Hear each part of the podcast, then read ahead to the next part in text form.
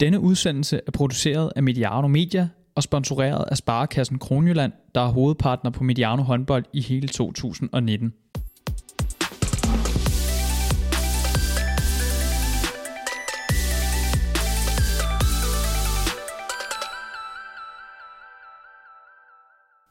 Ugerne flyver afsted. Kampene kommer med korte mellemrum. 9. runde blev færdigspillet i går. 10. runde starter i aften. Dejligt for alle, alle håndbold, os håndboldfans. Øhm, 9. runde bød på et vaskeægte topbrag. Et måske genopstået Skanderborg-hold. Og tre musketerer, som efterhånden skyder med, med lidt løs krudt. Til at guide jer igennem øh, 9. runde har jeg igen besøg af Jesper Fordin og Oliver Jørgensen. Velkommen til jer begge to. Mange tak. Tak for det. mange spændende kampe, så lad os bare, øh, lad os bare komme i gang. Øhm, første kamp i runden var, var Kolding mod Bjerringbro. Øhm, 27-27. Er det, øh, er det niveauet for Kolding efterhånden? Øhm, nu, nu har vi set dem øh, hive en del point i de sidste, i de sidste kampe. Er de ved, at, er de ved sådan for alvor at, at spille sig i form? Mm, det synes jeg måske er lidt højt at sige. Øh, der, de Er der, er der klart- endnu mere at komme øh, og hente i, i Kolding-truppen? Jamen, det synes jeg lige, vi skal bruge øh, et par runder mere for at se. Øh, men det er da ekstremt positivt, at de har været så opadgående, som, øh, som de har været. Og øh, og få øh, et point, øh, uanset om det er hjemme eller ude, øh, så øh, få et point hjemme mod BSH, det, øh, det må jo sige at være øh, vanvittigt godkendt, øh, særligt oven på den øh, jammerlige start, som Kolding de havde. Så øh, klart opadgående, og øh, jeg er meget spændt på at se dem øh, de næste par runder, og måske særligt øh, mod, øh, mod GOG i dag. Ja, jeg, jeg vil gerne øh, gå så langt og sige, at jeg synes, det ligner et koldinghold, der er kommet bedre i gang. Det, her, det er en kamp, jeg vil sige, havde den ligget for en måned siden, så tror jeg, at de kunne have fået øh, en ordentlig snitter øh, mod BSH. Øhm, og der synes jeg, man ser et koldinghold, der er i langt højere grad end tidligere er, er, er sammenspillet og har fået lidt bedre styr på, på hvad der egentlig skal foregå. Øhm, det er jo også resulteret i, at de har fået to sejre, og så var det så ikke øh, altid lige pænt mod skærmen, men det var, synes jeg også... Øh, til tider ganske udmærket, det de fik leveret her mod BSH, og mest af alt synes jeg, de viser noget karakter øh, i løbet af den her kamp, som jeg i høj grad har savnet tidligere på sæsonen fra deres side. Så jeg synes godt, man kan tillade sig at sige, at det her, det, øh, det kan godt være lidt et turning point i, i de her kampe for, for Kolding. Ja, så kan man også øh, tage det her med, at øh, vi har været meget efter deres defensiv, at den ikke har stået øh, særlig godt, og øh, de lukker i gåsøjne kun øh, 27 mål ind øh, mod øh, BSH, som vi har talt om, er et af de hold, der laver, laver flest mål og skarpest på deres offensiv. Øh, og det er faktisk med, at det, det er ikke keeperpræstationerne, der sådan var i højsædet der. Øh, procenterne er ikke øh, øh, vanvittigt, vanvittig høje. Øh, så det vidner jo om, at defensiven, den er i hvert fald er begyndt at fungere øh, lidt bedre. Og skal det selvfølgelig lige øh, tages med i ligningen, at, øh, at BSH de var, øh, var uden skube, og det betyder selvfølgelig meget for deres angreb. Men stadigvæk, så skal vi rose dem for at, at, at få et point og, og holde BSH ned på 27. Ja, nu nævner du selv, Skube øh, var nemlig ude. Øh, det gav også Mads Kjeldgaard lidt mere spilletid, også i, øh, også i bagkæden. Og han spiller jo egentlig en fin kamp, men, men øh, hvad er det, der mangler? Øh, hvad er det, han, øh, hvad er det, han, han, han bidrager med i forhold til Skube? Jamen, det er lidt mere dynamisk og lidt mere, hvad skal man sige, højere fart og med 120 mod kassen end der med Skubes, hvor det er lidt mere velovervejet og med, med, med større fokus på at sætte sin, øh, sin baks i scenen. Øh, jeg synes faktisk, det i høj grad klæder Mads Kjeldgaard for lov til at komme lidt ud og spille øh, ude bagved. Det har jeg da savnet i, i høj grad i, tidligere på sæsonen. Så er det selvfølgelig ærgerligt, at øh, det, det betyder, at vi ikke får lov til at se Skube, men jeg synes, det var fedt at se Mads Kjeldgaard i det element, øh, som, jeg, som jeg synes, han, han skal have lov til at, at byde ind med, nemlig øh, blandt andet andenbølgen, men også det her med at, at lige få trådt et par skridt tilbage, og så bare tons mod kassen. Øh, det synes jeg egentlig også godt fungerer ganske udmærket ved siden af både Øs og, og Markusen, at der er en, en spiller, der, der tonser lidt mere mod kassen. Jeg synes jo, det giver dem sådan øh, et ekstra kort på hånden. Også når Skue bliver klar igen. At, øh, at øh, jeg synes jo, at, øh, at Mads Kjeldgaard, han begynder at udvise, øh, at han godt kan klare en større rolle. Øh, og nu, øh, nu, øh, Gren, nu siger du en fin kamp. Altså, det vil jeg godt hive op til, at det er en, en rigtig stærk kamp, øh, som øh, Mads Kjeldgaard spiller med 7 på 9. Øh, flotte procenter. Øh, og holder øh, sig nede på en teknisk fejl. Øh, også øh, med den måde, han spiller håndbold på med, med, med fuld fart, så er det også øh, flot at holde sin fejlkvote nede. Øh, så øh, en, øh, en, en fyr, der, der er på vej fremad og blomstrer lidt, det, øh, det, det synes jeg er spændende for BSH. Ja, så snakker vi også tit om det her med logistikken med BSH, når de skal ned og stå i deres forsvar. Altså når man bruger Mads Kjeldgaard i bagkæden, så giver det dem helt naturligt noget færre problemer, når de skal ned og stå defensivt, fordi de skal ikke have skubbet ud til at stå en fløj, og de skal ikke nødvendigvis op og bruge to forsvarsangrebsudskiftninger. Øh, de kan løbe øh, helt direkte ned med Mads Kjeldgaard til at dække en toer. Øh, og det, det synes jeg også gør en lille smule ved deres, øh, ved deres returløb. Øhm, de kan satse en lille smule mere i deres afslutninger offensivt, fordi de, de er ikke lige så afhængige af at få afsluttet deres angreb. Øhm, ikke at jeg synes, de som, som sådan afviger fra koncept ved at bruge Mads Kjeldgaard i stedet for Skubbe. Det, det gør de egentlig ikke. Men jeg tror bare, det giver noget sikkerhed, det her med, at man, man kan løbe direkte ned med Mads Kjeldgaard til at dække en to, og man skal ikke til at bytte, og man skal ikke til at kaste en bagspil ud og dække en fløj. Men er det præcis derfor, at vi ser, øh, vi har tit snakket om den her øh, anden bølge kontra mod, øh, mod netop Bjergbro. At, er, det, er det på grund af Mads Kjeldgaard, at vi ser, at Kolding faktisk slet ikke scorer et eneste mål i, øh, i, øh, i anden bølgekontraen? Eller er det, er det bare Kolding, som, som valgte ikke at løbe det? Nej, det, det synes jeg godt, man kan til, øh, tilskrive det, at Mads Kjeldgaard er på banen noget værdi. Øh, jeg tror, de fleste, der, der spiller eller har spillet håndbold, ved, at det der med at skal løbe retur, og man skal løbe tværs over banen for at skulle ud og dække en fløj, eller man skal skifte en ekstra spillerforsvarangreb, det betyder bare noget, når man, øh, når man skal modtage et hold, der, der løber i, i fart ned mod en. Så det synes jeg godt, man kan tilskrive noget værdi. Så skal det også siges, at Kolding er skarpere, når de skal løbe deres for, øh, første bølge med, med Væver, Gustafsson og, og Flodman. Deres anden bølge er ikke uh, tilnærmelsesvis lige så skarp, så vil de egentlig hellere op og spille. Nej, de har ikke rigtig spillerne til at løbe den Nej, der det, det, det, det, synes jeg ikke, de har. Nej, jeg synes heller ikke, de, de som du siger, de søger den ikke. Uh, ikke. De løber den ikke lige så hårdt, og det tror jeg også handler lidt om, at de måske gerne vil have, have styr i kampen øh, mod BSH, som jo er et øh, rasende dygtig kontrol. Så det her med, hvis de skulle begynde at løbe mod kontra, øh, det, øh, det tror jeg var en fornuftig kampafvikling fra, øh, fra Koldings side. Ikke? Når man, når man kigger øh, kamprapporten igennem, så øh, not, kan man notere sig, at Bjerringbro ikke har et eneste skud direkte fra, øh, fra højre bak. Øh, har I en forklaring på det? Er det også det her, øh, Mads Kjeldgaard, øh, er, han, er han måske mere søger sin egen chance? Er det, er det bare sådan, som kampen forløb? Ja, jeg synes, jeg synes det er svært at skal give, øh, give Mads Kjeldgaard, eller det, at, at, at Skube ikke er med de steder skyld, men det er klart, når man har en mere klassisk playmaker-type i Skube, så får man også sat Øres i nogle flere situationer, hvor han rammer sin to direkte, hvor på Mads Kjeldgaard vil gerne ind og ramme brudet hen mod mod, øh, mod Koldings venstre 2. Så det er klart, der kommer lidt, lidt mindre rum til skuden direkte på, på højre bakke, så bliver det mere noget bredt, hvor man skal have Johan Hansen med, eller en bak ind over midten. Ja, og øh, også, hvis vi sådan kigger igennem, jamen så, øh, så har Johan jo også 5 på 5 øh, i kampen. Øh, og, øh, og ingen af dem er straffekast. Øh, så så det, det vidner jo også lidt om, at der er kommet lidt ekstra bolde derud øh, hvor, øh, hvor Jakob Lassen jo øh, tæller altså to øh, mål for fire øh, forsøg. Og, øh, og Øres øh, er jo øh, lidt mere øh, ja, efterhånden øh, skytten inden centralt, synes jeg, hvor hans stående skud jo virkelig kommer, kommer til sin ret. Øh, så, så, vid, så tror jeg, det har været nemmere at holde dem fra at tage de afslutninger lige på baks, øh, ved at løfte en lille smule mere øh, den vej igennem. Men, øh, men ellers, så, så, så tror jeg, det er vanskeligt sådan at, at, at lave en stor analyse på det. Apropos det, du siger, en lille fun fact omkring den her kamp. Øh, BSH går for banen med 0 øh, straffekastforsøg overhovedet. Det er første gang i den her sæson, de gør det. De er faktisk det hold i, i rækken, der får næst flest straffekast efter skjern. Øh, så det er også lidt, øh, lidt atypisk for dem at gå for banen uden at få lov til at kaste en eneste gang for 7 meter, og det kan man måske også pege på, det at man ikke har skubbe med øh, som en årsag til, hvorfor man ikke en eneste gang får tilkæmpet sig et strafkast. Ja, altså kontrasten til, at Kolding de øh, har fem, øh, så, så er det jo selvfølgelig en, en, en stor forskel. Men det er selvfølgelig måden, man spiller på, hvis, øh, hvis øh, BSH de, øh, de vælger at skyde fra distancen. Øh, Markusen fra distancen, øh, Øres fra distancen, nogle fløjeafslutninger, øh, som de så ikke vælger at, at berøre øh, på skytten, jamen så, øh, så, så er der bare ikke nogen strafkast jo. Altså, så, øh, så det er måske måden, hvordan man, man vælger at angribe, hvor, hvor særligt øh, Kolding jo med Chris Jørgensens 2-2-spil med stregspillerne ofte kaster nogle straffekast af sig. Øh, Jens Svane på ydersiderne kan kaste nogle straffekast af sig.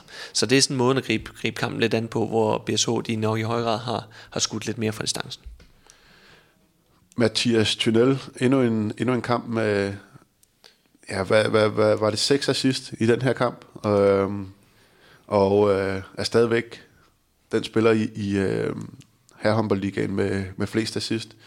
Udover det har han også 11 kampe, eller 11 kampe, 11, 11 skud i, øh, i kampen med, med 6 mål øh, til følge.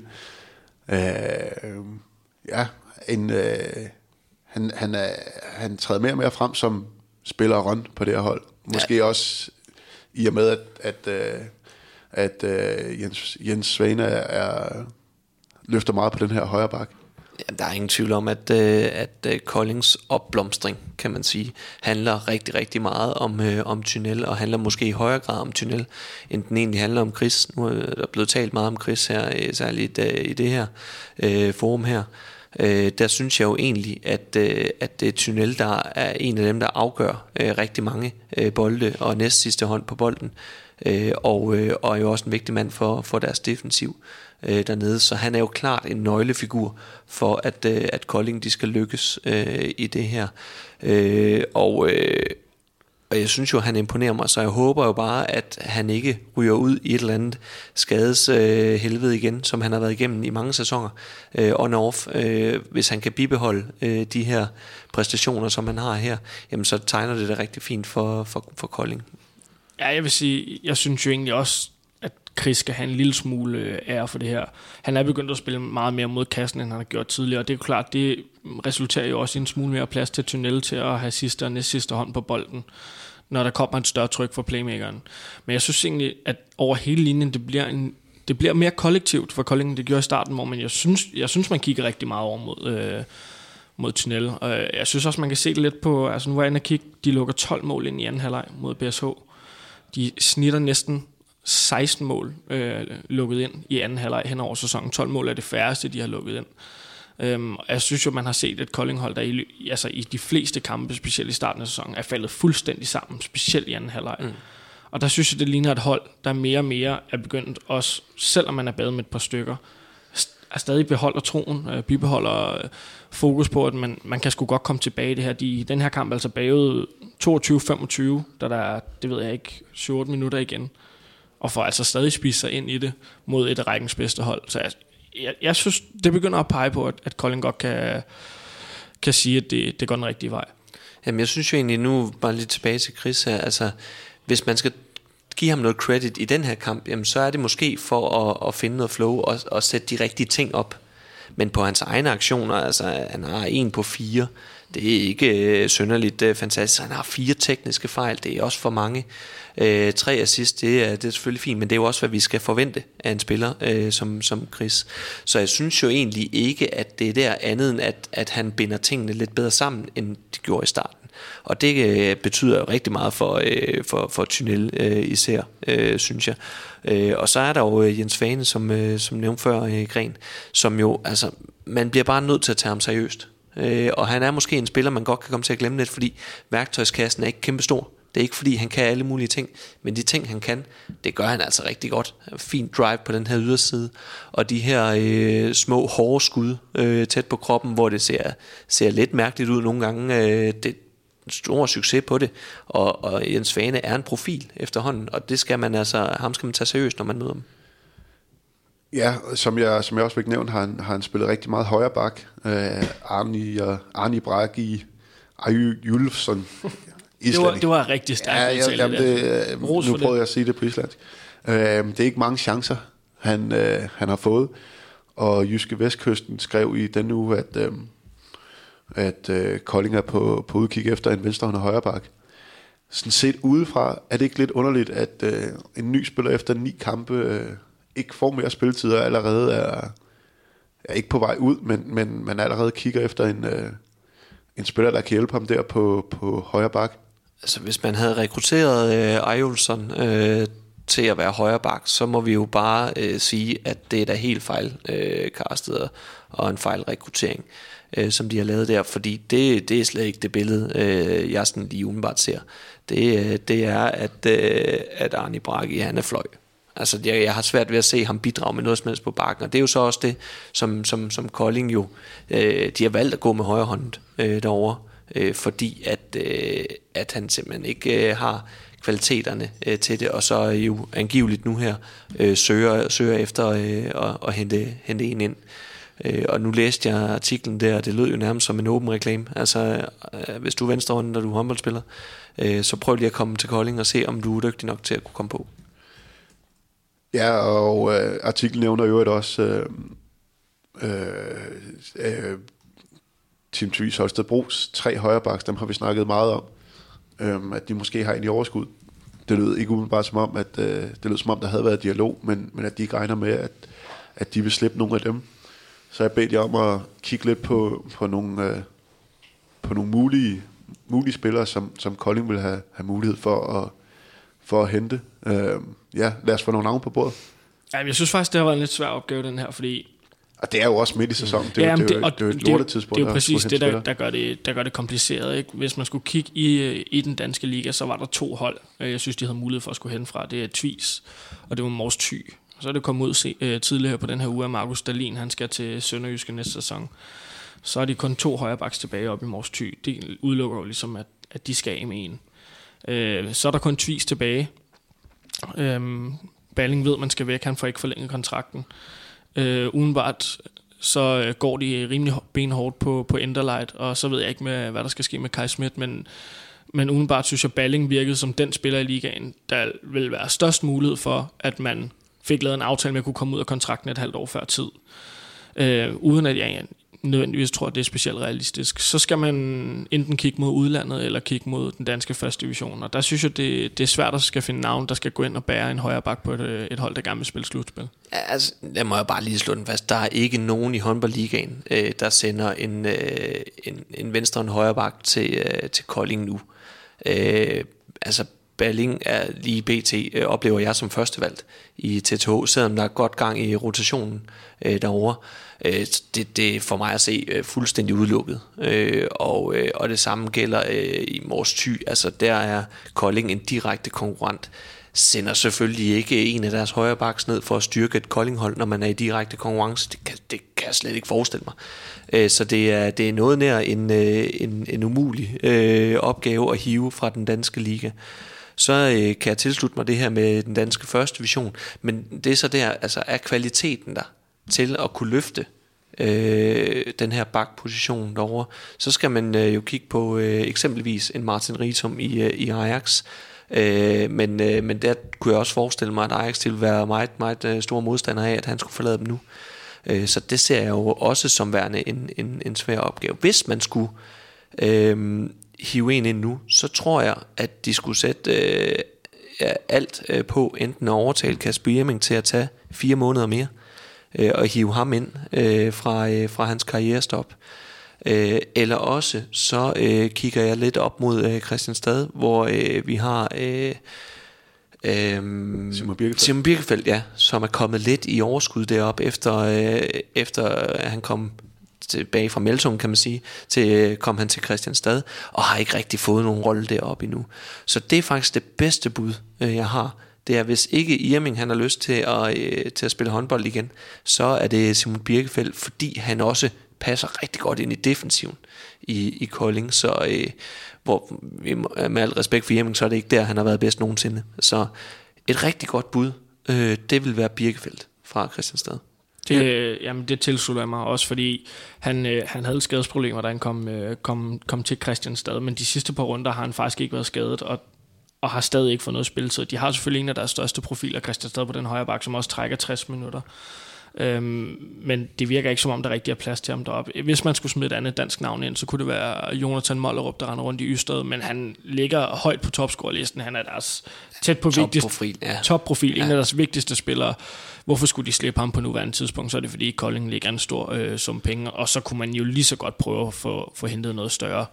Så jeg tror enten, vi skal kigge mod et udlandsk navn, eller så synes jeg, at de navn, som Fridin nævner, er, er de mest oplagte. Og det gør jo bare ondt i mine ører, det der med en stor sum penge, og så sætte Kolding ind i sammenligning det, det uha, det, øh, så, så, så går det da rigtig godt i Kolding lige pludselig, ikke? Og der tænker jeg bare, hold nu fast i, i det, øh, I har gang i lige nu. Altså, I spiller med, øh, med, med Jens Svane derovre. Det bliver selvfølgelig noget anderledes håndbold, men I er opadgående. Altså, lad nu være med at, med at udfordre øh, skæbnen, og jeg kender overhovedet ikke til deres økonomiske situation øh, nu her. Men, men altså, så, så, så kig dog til næste år og vær skarpere i jeres rekruttering af, hvem I så skal have øh, til næste år. Der er der nogle, nogle spændende bud der, øh, synes jeg, hvem man kunne, kunne, øh, kunne prøve at høre fat i. Ikke? Jeg ved ikke om Balling, øh, om det er for, for stort skridt ned for Balling øh, lige nu, og, og skulle til Kolding.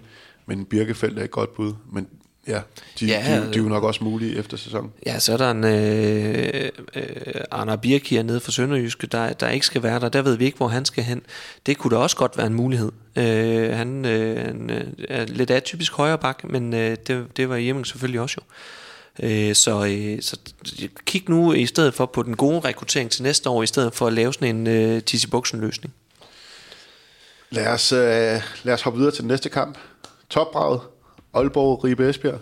Øh, tæt kamp, som, øh, som Aalborg øh, vinder. De scorer de sidste, sidste tre mål. Går fra 27-27 til 30-27. Øh, Aalborg er nu fire point foran ved at, øh, ved at sætte sig solidt på, på den første plads. Og de fik også vist, at det var, det var bare lige en enkelt svip som ude mod, øh, ude mod Mors Thy. En, en, ja, Smarson, han er, han, er, han er ved at være i gang, efter vi har været lidt efter ham i, øh, i indledningen. 8 på 9, og ellers bare solide præstationer hele vejen rundt. Øh, Sevo står på, på 40 procent. Uh, Udover Smartson, der er mål og assist. Som så vanligt, fristes man til at sige, delt, delt, uh, delt flot ud øh, på resten af truppen. Hvor er det, at man skal, man skal ramme det her øh, Aalborg-hold? Det ser så solidt ud. Ja, det er et godt spørgsmål. Øh, uh, jeg, jeg, jeg synes, det er sådan det er svært at finde huller i osten, øh, når de sådan kommer ned og, øh, og, og står øh, i deres øh, rasende dygtige øh, 6-0 forsvar. Øh, men det jeg sådan lige hæfter mig lidt ved, øh, det er, øh, hvis man skal ramme Aalborg, det handler selvfølgelig også om, hvilke spidskompetencer man har på holdet, men hvis man skal ramme Aalborg, øh, hvor jeg oplever, at de er svagest, så ligger der nogle ting over i det her venstre to-område. Øh, alt efter om det er Ellebæk, eller det er Smarson, eller øh, måske Liaba, øh, der står på, på den her venstre to. Der, øh, der synes jeg, at man kunne, man kunne starte sin angreb ved, enten hvis det er Ellebæk eller, eller Liaba, med en dygtig duelspiller. Og så få isoleret lidt derover, se om man kan vinde duellen, og så spille lidt ud fra det.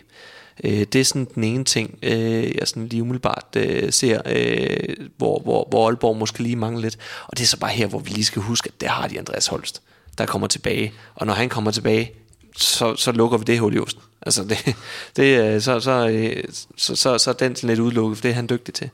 Øh, men ellers så, hvis det er Smarson, ham oplever jeg til gengæld er, er skarpere i sine dueller. Øh, jeg øh, synes, han er god til at øh, tage noget højde øh, og hurtigt på fødderne, og også en stærk, øh, stærk fyr. Øh, så, så, så er det lidt noget andet, man skal prøve at spille på. Og der synes jeg, at man skal prøve at, øh, at udfordre dem lidt med en stregspiller over i området, omkring øh, Bartolt, øh, Buster Jul, og så Smarson, hvor der vil være et, øh, et, et højdemæssigt øh, mismatch i forhold til en, til en stor stregspiller. Hvis man kan få stregspilleren til at komme foran Smarson også, og så isolere lidt ved at løbe træerne væk, så er det også en rigtig god, øh, god situation, øh, der er der.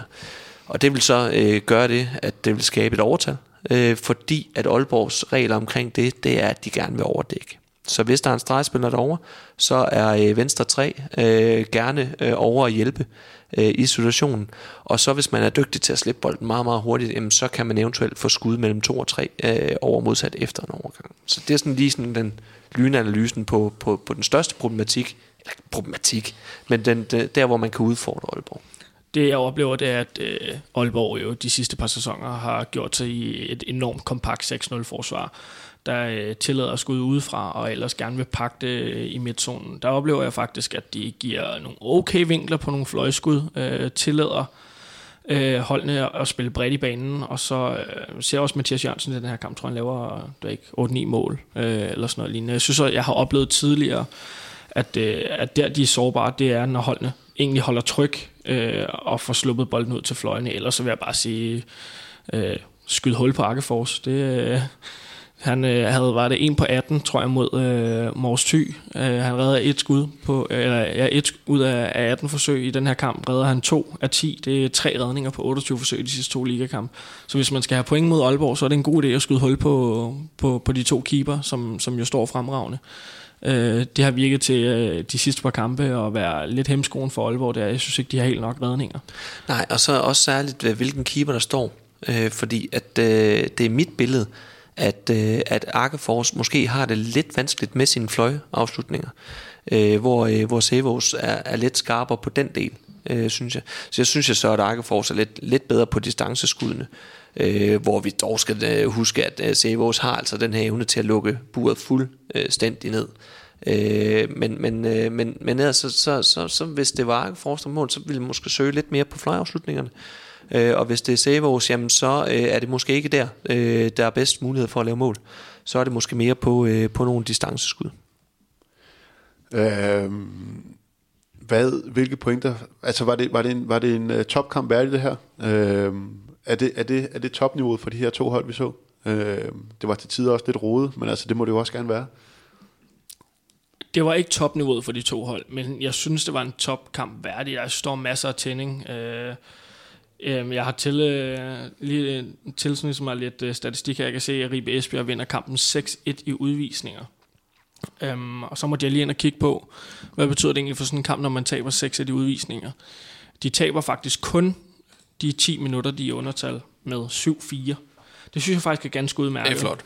Øh, men de er til gengæld også det hold i rækken, der får næst flest udvisninger. Aalborg er det hold, der får færre, så det, det er ikke fordi, det er så mærkeligt, at det bliver ujævnt. Men jeg tænker, når man spiller mod rækkens klart bedste mandskab, og man i 10 minutter af kampen, altså det vil sige en sjette af kampen, er i undertal, øh, så synes jeg, det er godt løst, at man for det første kun taber de 10 minutter med 7-4, men også at man stadig holder fast i, at holde kampen tæt, så man ikke, man ikke lige rammer ind i sådan en periode, hvor man, hvor man lige taber 5-0, og så, så er det fandme svært at komme tilbage mod Aalborg. Så det synes jeg er ros, for, ros til Ribe for egentlig, trods øh, de mange udvisninger, at holde, holde kampen tæt.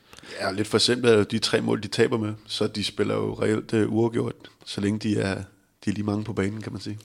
Ja, og det er jo også der igen med, øh, med Aalborgs forsvar, at, øh, at de jo langt hen ad vejen tillader skud øh, på, øh, på gode parader, øh, og det kan vi jo også se i, øh, i Carson, der har 12, 12 afslutninger øh, på kampen, og der holder de ham alligevel nede på, på en scoringsprocent på, øh, på, på omkring 40, og det, det kan de jo sagtens leve med øh, i, øh, i Aalborg forsvaret. Hvis man kan holde øh, effektiviteten nede på omkring 40% på en topprofil, jamen så er de jo langt hen ad vejen i forhold til at, til at, til at vinde kampen. Øh, der, øh, der synes jeg jo så måske, at vi kunne da godt have set lidt mere fra, øh, fra Niklas øh, Pedersen, øh, undskyld, Nikolaj Pedersens øh, øh, giftige højre arm på, på de der distanceskud. Øh, der, der har han øh, 3 på 6, øh, og jeg synes, altså, han, han skal skyde noget mere end, end de 6 gange, fordi han er også en topprofil for det her Ribe Esbjerg hold.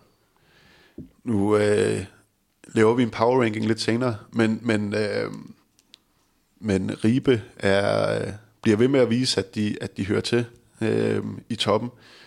Og, øh, kan de, kan de, øh, kan de, er, det, er det dem, der skal drille dem? Nej, det, det, det, det tror jeg ikke. Det tror jeg ikke. Altså, hvor er de, mang- hvor er de mangler, altså de har Carson, de har Nikolaj Pedersen. De, ja, har, de mangler, de, de mangler helt klart på bredden i min, øh, i, min optik. Nu går de jo fra at have 50 kontraktspillere sidste år, til øh, egentlig at være forholdsvis øh, smalle, og de har lidt skadesproblemer øh, på, øh, altså her på højre bakken, eksempelvis med Sjøningsen. Og, og altså, ja, nej, jeg har dem ikke derop, det har jeg ikke, men, men de skal have alt muligt ros øh, for, at de har fået, øh, fået, fået vendt det her øh, fra en katastrofal sidste sæson til at have, de har, de har fået et fundament, de har fået en bund, de har fået et koncept, de har, de har skulle få styr på deres ting og sager, men, men jeg har dem ikke til at, øh, til, til, at, til at ende oppe som den her øh, bejler til, øh, til at skulle kæmpe med mod, mod Aalborg. Øh, der, der, der, der har jeg altså nogle af de andre før dem. Øh, men de skal have kæmpe stor ros for deres, øh, for deres indledende øh, øh sæson her med de første, ja, de første tredjedel. Første kamp for Ribe Esbjerg uden øh, Jakob Heinl. Øh, det slap de da fint afsted med, umiddelbart. Øh, ja, hvad, hvad, så, hvad så I der? Øh, hvem, hvem, hvem gik ind og overtog? Ja, men the usual suspects vil jeg, vil jeg trods alt stadig sige. Altså, det er jo stadig... Øh, øh, hvad hedder det? Det er jo stadig Morsing, der kommer med ned. Det er Søren Tav, der kommer med ind og dækker op. Det, øh, det er Nikolaj Pedersen, der står på toren. Øhm, så det er, jo, det er jo stadig de samme spillere, bare uden den ekstra træer, øh, de havde i Jakob Heinl. Øh, så udover at den der rotationsspiller til at skal dække ind i midten øh, er væk, så er det jo stadig mange af de samme, som også har fået gentagelser om minutter ved siden af hinanden. Så jeg tror, det betyder mere for rotationen, end det reelt betyder for topniveauet på deres forsvar, at Jakob Heinl er væk. Øh, Svisej selvfølgelig også øh, ind i det midterforsvar. Øh, så de, de kan godt blive presset øh, defensivt over en hel sæson ved at Heinle er væk, men lige nu, der synes jeg ikke, det nødvendigvis skal komme til at betyde så meget. Altså den, gennem, den gennemgående, det, det, er jo, det er jo Svisej. Altså det, det er ham, der, der, skal, øh, der skal stå for, øh, for, for, for det her øh, forsvar og, og være den her kriger dernede, som han, som han er. Og det, og det er der, hvor jeg, altså, det er jeg sgu spændt på at se, om de kan blive ved med. Altså, øh, og, og, øh, og, og stå, så, øh, stå så fint, som, som de gør. Jeg, jeg kunne godt forestille mig, at de vil blive lidt udfordret på, på sigt, fordi der bliver trukket store på eksempelvis øh, Svisej, og hvis han ikke er en del af den ligning der, øh, så, så, så tror jeg måske godt, det kan begynde at vakle en lille smule.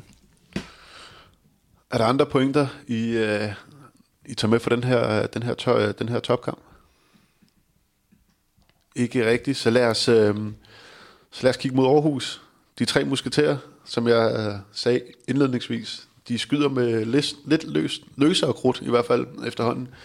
Læsø vel de dårligste procenter, han har skudt øh, med i sæsonen 4 på 14. Martinusen 3 på 7, og Torben Pedersen 4 på 6. Og øh, så taber Aarhus, når, øh, når de ikke rammer niveau. Det gjorde de så også mod, øh, mod Mors Thy, som får endnu en flot skalp. Øh, Emil Berghold spiller en, øh, spiller en stor kamp. Øh, hvad, øh, nu, nu øh, faktisk også lidt, lidt nyt på transfersiden for Aarhus. En øh, August Viger, jeg kender ikke særlig meget til ham, skal jeg være ærlig at sige, men en, øh, men en øh, 22-årig playmaker, som Erik Weier beskriver som en rigtig playmaker. Øh, vi har først snakket lidt om det, det er ikke noget, de har, sådan har i truppen nu. Nu mister de øh, Nikolaj Læsø. Øh, er det, øh, hvad, hvad kommer det til at betyde sådan umiddelbart? Øh, flere skud til Torben Petersen, som måske har været den, der i de sidste par kampe har, har mistet lidt på øh, abletterne? Hm. Der skal i hvert fald findes øh, en 12, 14, 16 skud per kamp. Øh, ja, umiddelbart virker det ikke til, at det bliver August Wieger, som øh, og have dem. Nej, det skal lige sige, jeg, jeg, jeg kender heller ikke øh, helt vanvittigt meget til ham. Øh, men øh, men det er klart at, at, at få en, en type ind, som er mere en, en spilfordeler, end det Læsø står for, som jo ikke er at skal sætte de andre i scenen, øh, men mere er at sætte sig selv i nogle, nogle gode situationer. Det, det betyder jo, at, øh, at overspillet kommer til at, at formentlig ændre en lille smule karakter. Øhm, så skal man også bare tillægge det en stor værdi, at det måske er ligaens største profil lige nu. Man, øh, man, siger, man siger farvel til, at det er noget af en opgave at lægge på, lægge på skuldrene af en, af en ny ung gut. Øh, så det, det, det er der spændt på at se, øh, hvad det betyder. Jeg går også ud fra, at de, de skal hente mere end bare en enkelt spiller til den bagkæde til næste sæson. Øhm, men det er klart, i forhold til, til den her Aarhus øh, Mors Thy kamp, så, øh, så er det jo igen lidt, lidt af, jeg har spået et Aarhus hold, der, der jo længere og længere hen vi kommer i sæsonen, får større og større problemer med at, at, at bibeholde det her momentum, som de havde i, i starten. I og med, at det er de samme tre spillere, der skal trække stort set uh, samtlige minutter i, i den bagkæde. Og nu synes jeg, det begynder at blive mere og mere udpenslet. Øhm, en hjemmekamp mod Mors Thy, det er sådan en, man, man inden den går i gang, øh, vil pege på at sige, der, der, der skulle gerne ligge to point. Men jeg synes igen, man ser, at når de her tre ikke rammer, så er der godt nok langt mellem snapsene, og der synes jeg jo, Mors Thy faktisk er et af de hold, der har en rigtig, rigtig pæn bredde i truppen. Øhm, og det fik man også set i den her kamp. Men øh, ja, samtidig et, et Mors Thy-hold i, øh, i, øh, ja, i en op- opgangsperiode. Øh, det, var, det var tredje sejr i træk, så vidt jeg husker. Øh, Aarhus ude, øh, slog de som, øh, som vi ved, øh, Aalborg hjemme, og så ja, en udkamp mod Nordsjælland, men, men tre, tre sejre, sejre træk, og for alvor med inden omkring øh, spil om den her 8. plads. Jamen, det virker som om, der er god medvind øh, op øh, Mors Thy, og stemningen den er rigtig fin, og, øh, og gennem de, de sidste par, par kampe, jamen, så har det jo bare givet en masse selvtillid, øh, øh særligt omkring den her Aalborg-kamp, ikke? Øh, hvor, øh, hvor altså, jeg synes jo egentlig, at de, øh, de, de spiller lidt frisk til, og de spiller på deres måde, og, og, øh, og uanset hvem de møder, jamen, så, så prøver de at gå lidt frisk til opgaven, og, og det, øh, det er jo bare fedt at se, at det giver, øh, det giver point. Øh. Dejligt at se Frederik Tilsted øh, med den rolle. Øh, jeg synes, han har fået. Øh, det var en spiller, som jeg i sæsonen glædede mig til at skulle se, om han kunne, kunne få en lidt større rolle i den her sæson, end han, end han havde i sidste sæson. Øh, fem mål og fem assist mod øh, Aarhus. Øh, binder det generelt rigtig, rigtig pænt sammen, er rigtig dygtig til lige at komme på det her rum, og så egentlig træffe den rigtige beslutning om, skal det være noget assist, eller er det noget viderespil, eller skal jeg selv afgøre den her, øh, den her bold. Øh, der synes jeg virkelig, at han har fået lagt på sit spil. En, en spiller, jeg synes gennemgår en stor udvikling i øjeblikket, og generelt et ungt Mors hold hvor jeg synes, flere af de her unge spillere træder mere og mere i karakter, blandt andet også Emil Bergholdt. Ja, så er det også værd at bemærke, at nu har vi talt om, at øh, med profiler på højre bak, øh, Mors øh, med Dalin og... Øh, og øh, gade, øh, gade ja, øh, så er det jo ikke dem, der trækker det store læs i den her kamp her. Så øh, Dalin øh, 0 på 2, og, øh, og, og Gade 1 på 4, øh, og øh, ja, gav så to assist, ikke? Så, er det, så er det jo ikke dem, der har, har været de, de store faktorer. Og det synes jeg jo vidner om, om et, et, et godt hold, at selvom at nogle af profilerne ikke rammer, jamen, så kan de stadigvæk øh, slå et Aarhus hold, øh, hvor ja, vi må bare sige, at, at deres profiler så er jo heller ikke ramt. Øh, og, og der er jeg da glad for, at vi lige nåede at sige, at, at det jo ikke kunne fortsætte med, med Læsø, at det nærmest ville være umuligt, at han kunne fortsætte i samme gear. Og det, det har han jo så det, ja, desværre for Aarhus jo så også bevist, at, at den, den, den kunne ikke fortsætte. Øh, det, det, det må man bare konstatere. Nej, nu er det ved at være et, øh, ja, det er fire runder siden, de, de, øh, de slog Lemvi, øh, og også gled helt ud af, af top 8 nu efter en, øh, efter en flot start. Øh, så det kan godt være, at jeres forudsigelser omkring, at Aarhus ikke kommer i slutspillet, de, de kommer til at holde stik. Øh, Ja, en lille fun fact, nu nævnte du selv det her med Mors Thy, de vandt for tredje gang i træk. Hvad jeg lige har noteret mig, så er det første gang, at de på, på ligaplan øh, har vundet tre kampe i træk siden november 18. Øh, det synes jeg er mere er værd at tage med, at øh, det er et, øh, et Mors, Mors Thy-hold, der, der er i god form. Øh, jeg glæder mig til at se også nu... Nu har Dalin øh, meldt ud, eller Sønderjysk har meldt ud, eller ja, Sønderjysk har meldt ud, at de henter Dalin, Mors Thy har meldt ud, at, øh, at han smutter. Øhm, at vi måske får endnu flere minutter til, til unge Mads Hoxer, og jeg håber i høj grad også, at de går med, med den konstellation på højre bak til næste sæson med Jonas Gade og Mads Hoxer. Jeg synes, den er super spændende, øhm, og jeg synes også, der er perspektiv i den. Så øh, ja, et spændende Mors Thy-hold og, og en masse unge spillere, synes jeg, der, er, der synes jeg virkelig blomstrer i øjeblikket et hold, som stadigvæk ligger øh, og øh, ja, omkring den her, de her 7. og 8. plads. Det er så, det er så godt. Øh, nu vinder de trods alt mod Lemvi. Siden vi sad og sidst, har de også spillet mod Christian Stad og fik et enkelt på, på hjemmebane. Men vel ikke to præstationer, som lige frem for os til at falde ned af stolen. Altså, Nej, jeg, jeg bliver på stolen, vil jeg sige. Ja, det var... vi, vi, de leder stadigvæk lidt efter, efter det i godt. Ja, det synes jeg, og det, jeg synes, det er efterhånden lidt den samme gamle sang. Øh, de leder efter øh, noget defensiv momentum. Øh, jeg tæller mig efterhånden at være en, en lille smule skuffet, det skal jeg nok komme ind på senere, men de har fået Frederik Clausen med, øh, så synes jeg, Søren Hohen falder, falder fuldstændig ud i de her kampe. Det er jo i virkeligheden Gisli, der, der, der spiller flere minutter, end han gør, øh, specielt mod Christian Stade. Øh, igen synes jeg, man kigger lidt for meget mod Lasse Møller, øhm, når, når boldene skal afgøres, så er jeg med på, at Emil Lærke øh, har fået lidt flere minutter, og gjorde det faktisk rigtig fint mod Christian Stad, laver også tre mod Lemvi. Men, men vi er igen lidt tilbage til, at at hvis godt de skal være rigtig, rigtig gode, så skal Lasse Møller også være rigtig, rigtig god. Øhm, og det, det synes jeg er lidt ærgerligt, for det er et hold, jeg synes, man specielt i sidste sæson havde en enorm bredde, og, og, og også gjorde, gjorde meget brug af den. Det synes jeg, man kigger lidt for meget mod en enkelt spiller. Gok spiller mod, øh, det er dem, der tager hul på øh, runden i aften. De spiller mod Kolding i aften. Jeg glæder, jeg glæder mig øh, rigtig meget. Altså, nu har vi snakket om Kolding, et, øh, et hold i fremgang. Øh, GOG, ikke i nedgang, men, men, men heller ikke øh, et hold, der har fundet det niveau, som vi forventede inden sæsonen. Hvad, øh, hvordan tror I, det kommer til at gå i aften? Jamen, jeg er spændt på at se kampen. Øh, jeg tænker, at øh, sådan matchuppet øh, nok vil være rimelig fint til GOG, øh, faktisk. Men hvis Kolding igen kan lykkes med, lidt ligesom BSH, det her med, at, med måske at styre tempoet, altså det her med løber den her første fase kontra, og så måske prøve at bygge deres angreb rigtig fornuftigt op, jamen så har de da helt afgjort en, øh, en chance, og, og, og, det, og det, jeg synes, den er rimelig åben. Altså godt lige nu med det her kampload, som, som de har, altså de spiller Champions League hele tiden, de spiller Liga hele tiden, de når vel knap nok at træne, øh, så, så er det jo nu, man skal slå GOG. Det er ikke om et par måneder, øh, hvor de, øh, det, det, det er nu, man har muligheden for virkelig at, at ramme dem, øh, hvor øh, selvsliden måske også lige vakler en lille bit smule. Øh, så, øh, så jeg tænker da, at øh, Kolding, de skal, de, de skal være skarpe og slå til nu, hvis de skal slå GOG. Øhm, den sidste kamp, nej, overhovedet ikke den sidste kamp. øhm, den næste skal, kamp. Må, må lige nævne, vi skal lige nævne Emil Jacobsen. Det, det bliver vi nødt til. Han er saftsus med god lige nu.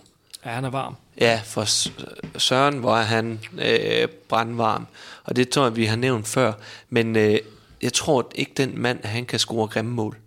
Det tror jeg ikke kan lade sig gøre. Hvis, hvis Emil Jacobsen laver et rigtig grimt mål, så er det stadigvæk over middel. Det ser simpelthen så godt ud hver eneste gang, han øh, ryger op på fjerde sal. Øh, så jeg synes simpelthen bare lige, vi bliver nødt til at nævne ham, og øh, jeg synes da godt nok, altså hvis jeg var Nikolaj Jacobsen, øh, så, så vil jeg da godt nok have mine... Øh, hvem der skulle med der øh, øh, på den venstre fløj der. Øh, jeg synes godt nok, øh, lige pt. er han den varmeste, øh, jeg ser øh, i, øh, i ligaen, og så skal man jo vælge, skal man så gå med, med, med Bramming, der har lidt mere rutine, var med i Golden League, gjorde det fint nok øh, der, eller, eller bliver Kasper U klar? Øh, kan Barcelona leve med, at han er med igen øh, på landsholdet? Der er mange spørgsmål der. Ja, Nå, det, er, ja, det er i hvert fald en position, som vi aldrig behøver at være sådan rigtig, rigtig bekymret ja, for. vi er rigtig, rigtig godt stillet. Det, det er nogle dygtige folk, vi har der. Ingen tvivl om det. Øhm, den kamp, som ikke var den sidste, men den næste, var øh, Nordsjælland Skjern. Ja, sikker sejr til Skjern. Nordsjælland øh, har tabt pusten en lille smule også. Øh, det, jeg hæfter mig ved, det er, nu er det selvfølgelig også måske øh, ligaens svageste hold, de spiller mod, men øh, Elvira Øren, altså de får bragt øh, rigtig mange spillere i, i spil, når vi snakker om, Aalborg har gjort det fra starten af. Øh, er det også det skærn, de er, de er efterhånden er, er begyndt på nu, og også at få rigtig mange spillere i spil. Elvira den her kamp. Øh, Kasper Søndergaard har også begyndt at spille mere. Øh, det, det, det, det ser ud som om, at de er ved at finde, øh, finde melodien i skær. Ja, både og. Altså, det, det var en mærkelig håndboldkamp, øh, fordi at, øh, at der til, til halvleg, altså jeg synes godt nok ikke, det var, det var ikke øh, særlig, særlig interessant at kigge på. Øh, og, og til halvleg, der, øh, der, der oplevede jeg jo bare, at Skjern, de var fuldstændig i kontrol, og så ville den der kamp der blive kørt stille og roligt hjem. Øh, men så kommer, øh, kommer Nordsjælland jo ud og, og har et helt andet udtryk øh, fra starten af anden halvleg, og der bliver lavet nogle tekniske fejl øh, fra, øh, fra Skjerns side af, og de begynder at have redninger på Markus Holmen lige pludselig, og så bliver det en kamp. Øh, og det er faktisk øh, med, med 10 minutter igen, er, er den næsten helt lige. Øh, og der sidder man der og tænker på, jamen hovsa, altså, og, og, som jeg talte om før, Skjern, de har haft nogle, øh, nogle, nogle svipser og nogle mærkelige kampe indimellem, øh, hvor det har svinget lidt. Øh, og der, der, der var der lige pludselig i tvivl om, skal Nordsjælland nu øh, til at nappe point mod øh, Skjern? Og der viste det sig som, så festen så en lille smule ud igen, og, og det ender jo så med en, øh, med, med en sikker sejr og komfortabel sejr. Men med 10 minutter igen, der var alting altså åben. Det skal vi lige have med. Ja, men Nordsjælland får skudt fuldstændig hul på Robin Haug i den periode. Uh, han rører ikke en bold, tror jeg, i til 12 minutter, og så, uh, så vendte kampen. Uh, det var igen med Kisum og med, med Dal til at, til at løfte til, til det niveau, de skulle op på, for at kunne byde skære med skjern. Øh, og så kom øh, Mathias Møller ind og gjorde det egentlig ganske øh, udmærket. Øh, men det var deres defensiv, øh, synes jeg, som vi også har snakket om, at hvis, hvis det skal lykkes for Nordsjælland at hive point øh, mod nogle af, af de andre hold i den her liga, så skal de stå godt defensivt. Der, der oplevede jeg, at i anden halvleg, i, i perioden fra ja, 35 til 50, står rigtig, rigtig godt defensivt, og får, ja, hvad skal man sige, provokeret skærn til at lave tekniske fejl, men også til at afslutte på nogle lidt, øh, lidt, lidt skæve, skæve tidspunkter. Øhm, og ja, igen, der har de så bare ikke energi, og det er sådan en typisk bundholdsting. Øh, de spiller egentlig rigtig, rigtig fint, kæmper røven ud af bukserne, men når det skal afgøres de sidste 7-8 minutter, der, der var det skærn, der viste format. Ja, og så er det også bare igen det her med redninger. Altså, jeg tror ikke, de har redninger de sidste øh, 12-13 minutter. Og det, og det er den helt store, øh, helt store forskel, øh, fordi der, der har de jo trods alt nogle øh, redninger øh, i, øh, i skærnmålet. Øh, og, øh, og, og hvis de skulle have point mod skjern, jamen så var det ikke nok at stå godt i forsvaret kun, så skal du også have nogle redninger. Øh, og, øh, og, og det blev, det blev bare øh, forskellen. Altså, de, de spillede deres chance, de spillede den flot i anden halvleg. Ærgerligt, de ikke øh, kunne finde samme... Øh, hvad kan man... Altså, det, det, der, det var bare et andet hold i anden halvleg. Det var et helt andet hold i anden halvleg. Og, og den, den skal de ramme fra starten af. Det skal de. Hvis de skal have, øh, have flere point end øh, eksempelvis Lemvi, som vi har talt om, så skal de bare være med fra starten af. Øh, så den ikke fiser ud, og de skal hente noget. Så skal deres run jo netop være, at de kommer foran med nogle stykker. Så øh, ja, det var ærgerligt for, øh, for Nordsjælland, fordi de havde da helt klart øh, muligheden med 10 igen. Ja, skal vi også lige ønske god bedring til, til Bjarne Myrhold første kamp uden ja, ham. Han er ude på, på ubestemt tid. Øh, ja, lidt, øh, lidt triste omstændigheder. Øh, heldigvis ikke lige så alvorligt som, som sidste gang, han var, var syg forhåbentlig. Men, øh, men noget af en bed for skærn øh, at skulle undvære Bjarne Myrhold igen. Ja, det synes jeg. Nu synes jeg faktisk, at Tidemand spiller en udmærket kamp, og er også en, en dygtig substitut til, til Myrhold på den streg, men det er klart, når man har en af verdens bedste stregspillere, øh, og som samtidig er en tovejsspiller, så er det klart, det kan, det kan betyde rigtig meget. Heldigvis for Skjern, kan man jo så sige, de, øh, de har ikke noget europæisk øh, at tage hånd om, så forhåbentlig kan de få doseret de kræfter øh, på, på Tidemand, så han, han kan trække et tungt læs nu, men selvfølgelig kæmpe, kæmpe bet. Fordi nu nævnte du redning, jeg blev nødt til lige at nævne en lille statistik, jeg har med øh, for den her kamp. Øh, Eggert, han er 5 på 5 øh, på strafkast i den her kamp. Det er der som sådan ikke noget helt vanvittigt mærkeligt i. Øhm, de er det hold i... Slet ikke mod Nordsjælland. Og slet ikke mod hold. Nej, og det, og det er så netop det. De øh, skærne er, er rækkens bedste hold til at, til at eksekvere de her strafkast. 40 mål på 44. Det er 90 procent. Det er faktisk en lille smule over, hvad Eggert øh, ligger på i karrieren. Han ligger på de her 6-87 procent hen over karrieren. Det er vanvittigt. Det, det er fuldstændig sindssygt. Ja. Men til gengæld Nordsjælland, det, det, det, det er helt vanvittigt. Uh, de har nu stået over for 26 straffekastforsøg. Ja, det, det kniver med dem. De har ikke reddet nogen af dem endnu. Jeg synes, det, jeg synes, det er vildt, at man ikke kan formå at stå i vejen for et ud af 26 straffekast. Uh, jeg skal ikke kunne sige, at jeg selv øh, vil kunne gøre det bedre, men man burde kunne finde en redning eller du to. Du kunne gøre det dårligere, så meget kan jeg sige. Det kunne jeg nemlig ikke. Jeg tænker også, når, som bundhold, det, man, man kommer tit til at kigge på de her marginaler, når sæsonen er slut.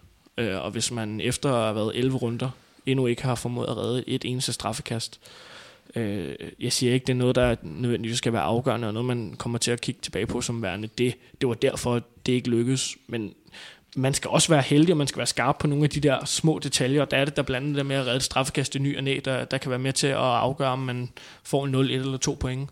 Og altså 0 redninger på 26 skud imod, det, det er faktisk imponerende dårligt.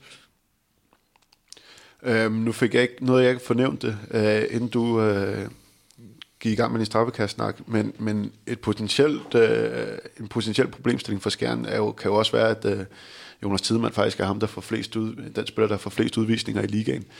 Øh, nu holder han sig i skinnet mod Nordsjælland. Måske heller ikke den mest øh, øh, sindsoprivende, hvad hedder det, intense kamp, men, men, øh, men det, det, det skal man jo også lige have med i overvejelserne, at øh, ham kan de i hvert fald ikke øh, tåle at miste i løbet af en kamp på, på udvisninger. Nej, men nu, vi talte om det øh, tidligere, det her med, at når, øh, når Tidemand blev fanget på for store områder, øh, og skulle til at løbe lidt efter dem, at der kom han lidt i problemer. Jeg hørte også i optakten, at, at, øh, at det var noget der, de havde kigget lidt på, at de gerne ville have nogle dueller på, øh, på Tidemand.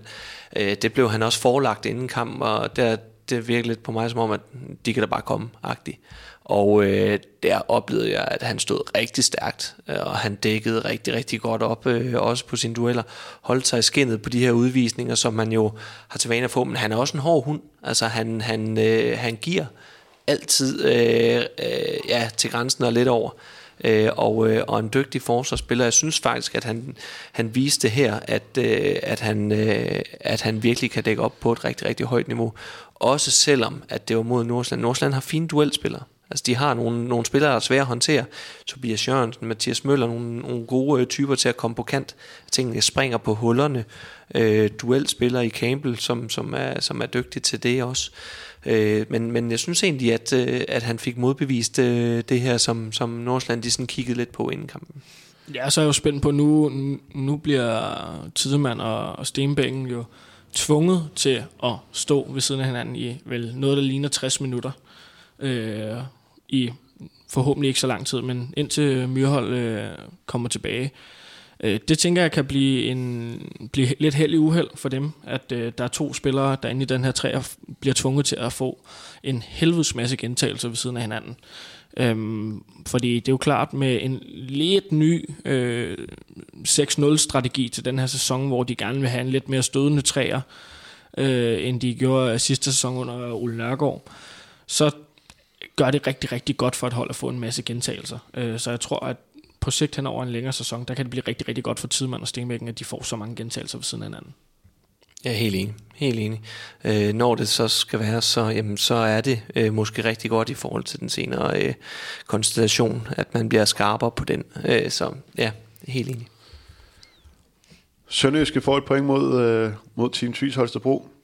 Måske en, en øh, ja, måske et meget, meget øh, hvis man skulle spille et kryds, have spillet et kryds i den her runde, kunne det da have været, øh, nu er det rigtigt, nu er det jo så man ved, rigtig, rigtig svært at være bagklog, men, øh, men så kunne det jo sagtens være den kamp, man havde, man havde peget på. Øh, 25-25, ikke så mange mål i forhold til, hvad vi vandt til i den, øh, i den danske liga. Hvad, øh, Sønderjysk spiller meget 7 mod 6, var det, hvad, var det, var det en god strategi? Tror de, tror de er tilfredse med et point i øvrigt? Øh, ja, det, det er de, fordi Tvis fører i, i store dele af den her kamp. Øhm, og, og det er faktisk først, da de tyrer til 7 mod 6 i, hvad er det, slutningen af første halvleg, øh, at, øh, at det sådan for alvor begynder at, at lykkes for dem offensivt. Øhm, og det holder de ved i største del af anden halvleg også, hvor de får bidt sig fast. Øhm, og egentlig også kommer op og tror faktisk også har muligheden til sidst for at, at få mere end et point. Men det, det, det blev ikke det samme sprudlende angrebsspil. Jeg synes, det til tiderne, de jeg ramte topniveau i den her sæson det var faktisk det her 7 mod 6, der gjorde, at de kom tilbage i den her kamp. Øh, jamen, en, en, en del af tankegangen bag kan vel også have været, at, øh, at passe rigtig godt på bolden mod, øh, mod et Team Tvis hold, som vi ved har vanvittigt, øh, en vanvittigt dygtig fløje i, øh, i kontrafasen. Øh, de vinder også kontrakampen. Oliver, det var, det var dig, der fortalte mig det, inden at øh, vi begyndte at optage det, det, man, man, man når langt, hvis man, øh, hvis man vinder over, hvis man vinder kontrafasen mod, øh, mod teamsvis. Ja, for søren. Øh, helt sikkert, og det er der, jeg tænker det første, i første omgang er, er en del af taktikken at holde Tvis fra at lave vanvittigt med kontramål. Der er 7 mod 6 jo blandt andet et, øh, et våben, men at man så samtidig modsat kan, kan lave nogle kontramål og rent faktisk vinde duellen, det er, det er ganske udmærket. En god kamp for de to fløje, øh, Mikkel Møller og, og Christian Jensen. Øh, synes jeg generelt, at den her sæson begge to har leveret på et ganske udmærket niveau. Øh, men jeg synes, de her bagspillere, som vi har synes har været rigtig, rigtig spændende indtil videre øh, for Sønderjyske, synes jeg ikke helt leverer, hvad de, hvad de har gjort tidligere på den her sæson. Øh, så ja, et, et, et sønderjyske hold, synes jeg, da de ramte niveauet i løbet af den her kamp, så rigtig god ud, men også til tider faldt en lille smule ud. Og en uh, Kasper Olsen, som, uh, som kommer ind og spiller en afgørende, afgørende rolle. Ham har vi ikke set så meget til i, uh, i løbet af sæsonen, uh, Jesper. Uh, ja, han var, vel, han var vel afgørende for, at de, de fik point. Ja, men det har jo egentlig været den rolle, som Kasper han, øh, har haft. Øh, han har haft lidt svært ved at finde, øh, finde sin spilletid øh, i øh, 6 mod 6 spillet. så er han blevet brugt lidt i deres overtalsspil, øh, hvor han har været inde og skulle, øh, skulle lægge det første øh, tryk i forbindelse med et centerkryds. Øh, og, øh, og nu her i øh, 7-6-spillet, jamen, så er det egentlig ham, man er tydeligt til, til at skulle ligge og tage de her vurderinger, og det, øh, det, det gør han faktisk rigtig fint øh, Øh, og, øh, og har jo også øh, gode procenter øh, på sin afslutninger, 4 på 4, og jeg tror også, han lavede 4 i, øh, i det øh, foregående opgør, jeg kan ikke øh, huske, hvem det var mod, men hvor 7 6 også var rigtig god, øh, og, og det korte indspil til stregspillet mellem midt og to ramte øh, Kasper også øh, rigtig, rigtig fint. Så, øh, så det virker som om, at hans øh, specialrolle i øh, Sønderjyske, den er vokset, og, øh, og jeg synes, det var, det var helt rigtigt set af, øh, af Kasper Christensen og Rasmus Vandbæk og, øh, og, og gå i 7 mod 6 øh, mod TTH øh, Holstebro. Den sidste kamp, nu kommer en Skanderborg og Fredericia. Øhm, Må jeg lige nævne en lille fun fact? altid. Nu har, nu har jeg taget det med. Øh, det her det var tredje gang i denne sæson, at TTH de spiller uafgjort. Jeg vil sige 30% af kampene indtil videre har de spillet uafgjort. Så tænkte jeg, at det er en tendens. Og så kigger jeg på sidste sæson. Der spillede de øh, fem kampe i grundspillet uafgjort. Det var øh, flest af alle. Øh, så der er et eller andet med det her TTH-hold at, at spille uafgjort. Jeg, jeg tænker, at det ikke er helt normalt at ligge på, at 30% af ens kampe er uafgjort. Jeg vil sige, sige 5 af, af 26 sidste år, det, det er en femdel, det er 20 procent. Det er også mange kampe at spille uafgjort, synes jeg. Men øh, det kan godt være, der er lidt øh, en tendens der, der skal undersøges lidt nærmere. Der er lidt til øh, tipperne og øh, at kigge på i hvert fald. Og nu, nu, nu tænker jeg sådan lige, fordi at når jeg sådan så kampen, øh, så, øh, så oplever jeg jo i den grad, at øh, TTH Holstebro, de vinder øh, keeperkampen. Altså, øh, lige mens du nævnte, så var jeg lige inde og tjekke, altså de har, øh, de har 16 redninger, øh, TTH, mod øh, Sønderjyskes øh, 10. Den, den matematik, den går jo ikke sådan helt op, hvis man så skal spille uafgjort. Så, så må der jo være noget et andet sted.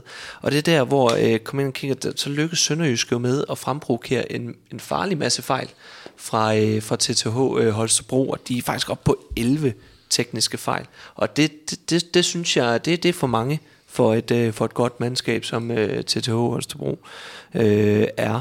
Så, øh, så, så der ligger jo klart noget der i, at, øh, at de lykkes øh, med det øh, sønderjyske. Og så også på en dag, hvor øh, Arne Mensing og Jon Andersen ikke rammer. Det er saftsus med flot, øh, sønderjysk, og alligevel kunne få et point mod øh, et af de mest formstærke hold, øh, vi har lige i øjeblikket, øh, når, øh, når to af topprofilerne egentlig ikke rammer dagen. Øh, og så øh, lige give... Ej, den, den gemmer Den tager jeg på et andet tidspunkt. Jamen så lad os, øh, den, der er, jeg ved ikke hvor meget der er at snakke om, der er i hvert fald en spiller, som vi skal snakke om øh, i den her Skanderborg-kamp. Øh, en kamp, jeg havde set lidt frem til, Fredericia på udebane, er ikke det samme som Fredericia på hjemmebane, men med Skanderborg sådan lidt svingende resultat af løbet af sæsonen i mente, så havde jeg nok forventet lidt tættere kamp, men øh, Skanderborg vinder øh, 37-25. Øh, og det var Markus Mørk show. Øh, 7 på 7, 5 assist. Og øh, en Markus Mørk, som øh, vi, ved, vi ved har det her, det her topniveau. Øh, men, men som måske ikke viser det så, øh, så tit mere. Men, men en fantastisk spiller, og en meget seværdig spiller at, at se på, når han, når han øh, spiller, som han gjorde i går. Og det kan jo være, øh, det kan jo være ham, som sådan virkelig kan, altså vi kan jo ikke, vi kan jo ikke sige, det er skuffende. Skanderborg øh, lå syver inden, øh, inden runden, og, og det, det er de garanteret fint tilfredse med. Men igen, som jeg har snakket rigtig meget om, de her forventninger, som vi havde på, til dem på baggrund af, af deres præstationer sidste sæson. Øh, det her, det var sådan en Skanderborg-kamp, som vi kender det fra, fra sidste sæson.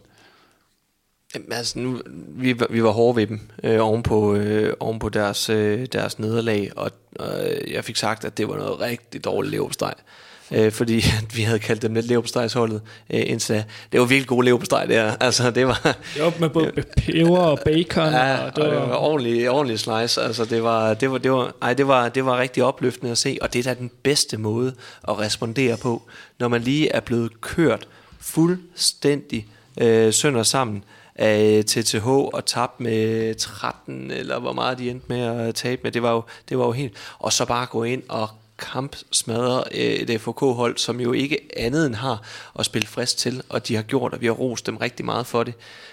Det er virkelig, virkelig fint, øh, Skanderborg. Øh, det, og det var da et lyspunkt på, på, på en ellers lidt trist ommerkamp, synes jeg egentlig. Men, Jeg vil sige, jeg må da også lige ind og læse 37 mål. Det synes jeg lød fuldstændig, fuldstændig skørt. Øh, Så tænker jeg, hvornår har Skanderborg egentlig sidst lavet 37 mål i en håndboldkamp? Øhm, Jeg, I sidste sæson, der lavede de 35 mod Aarhus. Jeg har indtil videre nået tilbage i min søgning til 2013. Jeg har endnu ikke, fund, jeg har endnu ikke fundet en kamp, hvor de på liganiveau har lavet 37 mål.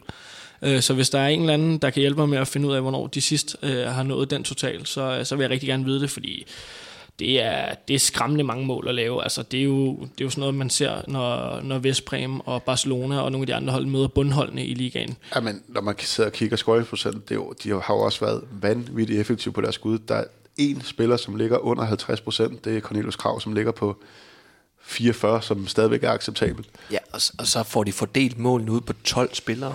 Det er også sindssygt flot. Altså, når man laver 37, så er der jo som regel nogen, der er op omkring at ramme de her øh, 10 mål, måske 10 plus. Det er der ikke her. Altså, det er Markus Mørk, der er topscorer med, øh, med syv scoringer. Øh, og det vidner jo om, at, at de er blevet fordelt rigtig flot, øh, de her mål her. Øh, så, øh, så stor ros til det. Så, Laversen. Øh, s- 17 redninger. Ja. Det, han, øh, han var altså også medvirkende til, undskyld, at... han, øh, han lå også under 50 procent. ja. ja, det er rigtigt. Øh, Den skal vi lige have med. Men, men, men, en højere, højere redningsprocent end, uh, end Cornelius uh, Kravs skud uh, scoringsprocent. ja, og, det, 45 procent. og også særligt her, altså, fordi øh, Fredericia kommer jo godt fra land. De kommer foran øh, 3-1. 5-1. Øh, ej, er foran 5-1? Jeg mener, de får en 5-1. Nej, det er ikke lige hissigt nok. Øh, Det er underordnet. er det det? De får i hvert fald de- en rigtig god start. 4-1. 4-1 er de foran med. Øh, og det er, jo, det er jo en rigtig fin start efter, øh, efter 11 minutter at være foran 4-1. Og så tror jeg, at fanden den tog ved.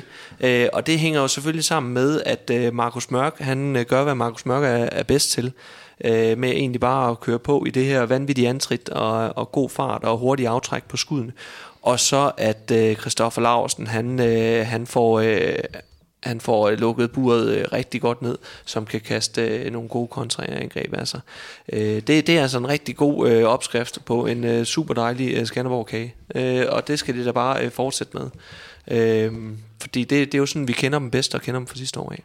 Der vil jeg sige, øh, nu spurgte jeg, om der var nogen, der kunne hjælpe mig med at finde ud af, hvornår de sidste har lavet 37 mål i en håndboldkamp. Hvis der er nogen, der kan hjælpe mig med at finde ud af, hvornår de sidste har lavet 36 på 49 minutter, øh, så vil jeg også rigtig gerne vide det. Øh, bare generelt, hvornår et hold sidst har lavet 36 på 49 minutter. Det, det, det er satan stærkt. Så, skal vi lige, fordi øh, nu har vi rost Fredericia rigtig meget, så synes jeg også, at øh, vi kan tillade os at, at være en lille smule efter dem. Jeg, jeg oplevede, at, øh, at de slog en lille smule op i banen, og, og, og igen, så, øh, så, så bliver vi også lige nødt til lige at, altså, det så ikke godt ud med Skilhammer. Det gjorde det altså ikke. Jeg synes, øh, jeg synes det så lidt tungt ud, det så lidt, lidt uh, uinspireret ud. Det, det, det, så, det så lidt skidt ud, og nu er jeg med på, at, øh, at han har været skadet. Og, og, og hvis det er, at, at, at øh, FK de skal komme derhen, hvor de gerne vil hen af, jamen, så skal de jo også få ham op i gear, sådan, så det ikke står og falder med, øh, med, med Christian Stocklunds præstationer. Der skal man have et større bidrag for Skilhammer, det er det, han er hentet ind til. Så, øh, så, så igen lidt, lidt skuffet over, øh, over, over det.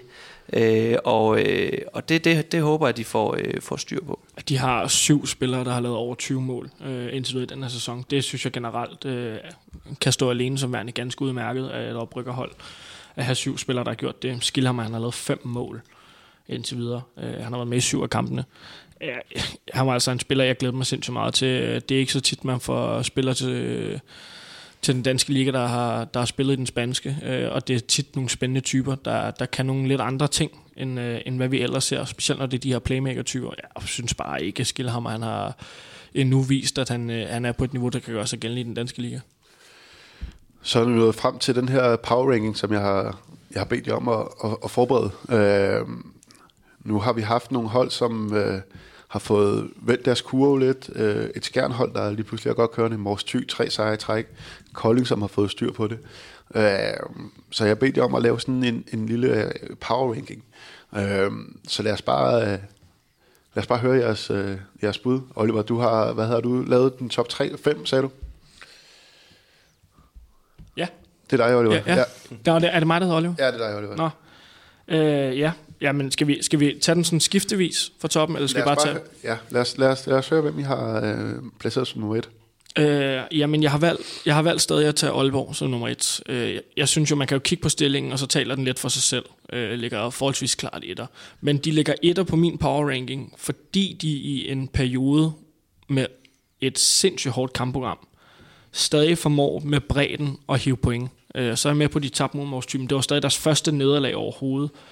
Øh, når de med to kæmpe profiler ude, og med den bredde, som Stefan Madsen vælger at spille med i ligaen, stadig kan hive point og, og, og vinde kampe, øh, når det hedder PSG og Flensborg og Barcelona øh, i løbet af ugen også, så synes jeg, det er nok til, at man stadig kan kalde sig for det skarpeste hold i ligaen. Ja, og det, jeg, jeg var i tvivl om det skulle være Skjern eller det skulle være Aalborg. Øh, jeg er også ind på Aalborg øh, selvom den her Mors Thy kamp. Øh, men men det, jeg kan simpelthen ikke se mig fri øh, fra at, at tage dem, for jeg synes, de, de er så, øh, så imponerende.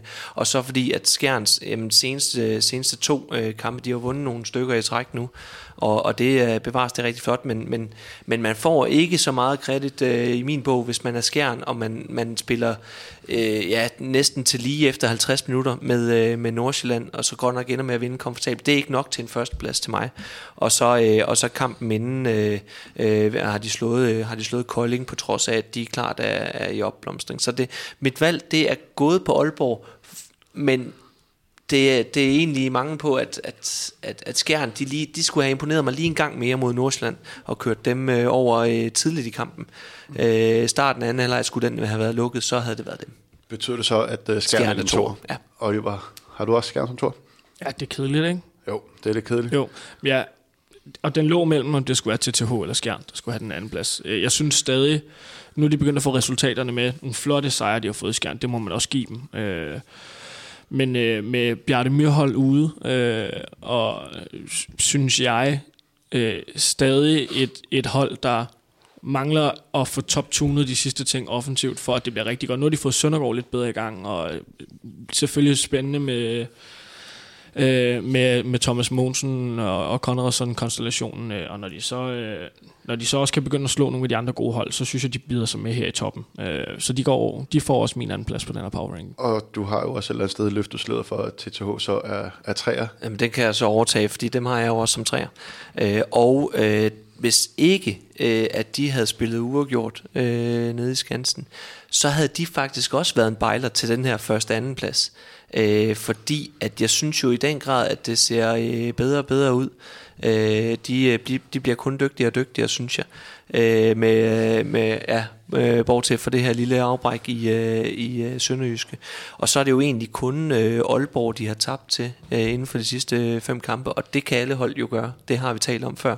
Der er ikke nogen skam i at tabe øh, til Aalborg, og, og det var jo i går sådan kun med to. Øh, Øh, så, øh, så, så TTH Holstebro øh, ligger også rigtig godt til at kunne sagtens have været, øh, have været helt oppe også, hvis de havde, øh, havde slået øh, Sønderjyske. Men det var jo så meget enige om. Men det er jo så også, øh, man kan sige, et lille fingerpeg om, at, at det er vel også de tre hold, som vi...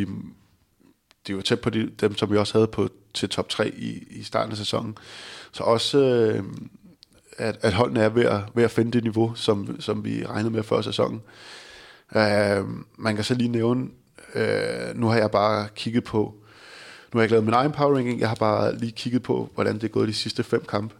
Der er det altså bemærkelsesværdigt, at, at Aarhus i den grad tager pusten.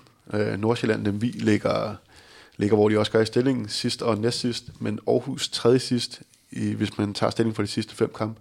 GOG fjerde sidst, Bjerringbro øh, sjette sidst.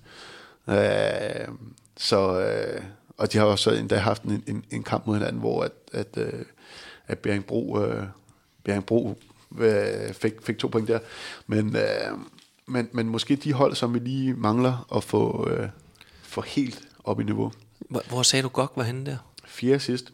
Hold op. De har øh, to, to sejre de sidste fem kampe. Øhm. Ja, de har så også mødt øh, skærn i skærn, ikke? og BSH i BSH. Jo, jo, men... Øh, men, men, ja, ja, ja, men, men, men jo, okay, det... Men, men, men, men kamp, ja. som de... Øh, som de normalt også ja, gerne skulle, få ja, ja, ja, ja, ja. I, i Jamen, øh, afgjort. Øh, de, de må ikke tabe alle øh, øh, kampene mod de gode hold ud. Dem skal de også vinde nogle af. Altså hvis I på min fjerde plads, der stod jeg og skulle vælge mellem Ribe og Sønderjyske. Øhm, til at, til at ligge fire, fire, øh, på fjerdepladsen på min power ranking. Jeg er gået med, jeg er gået med Ribe Esbjerg. Øhm, det, jeg, jeg, var faktisk jeg var faktisk positivt overrasket, ikke positivt overrasket, fordi jeg er begyndt at forvente mere af dem. Jeg synes, de gjorde, de gjorde en god figur mod Aalborg. Øhm, og jeg synes, vi har snakket lidt om det her. Der er Aalborg, og så, så er der resten øh, lige nu.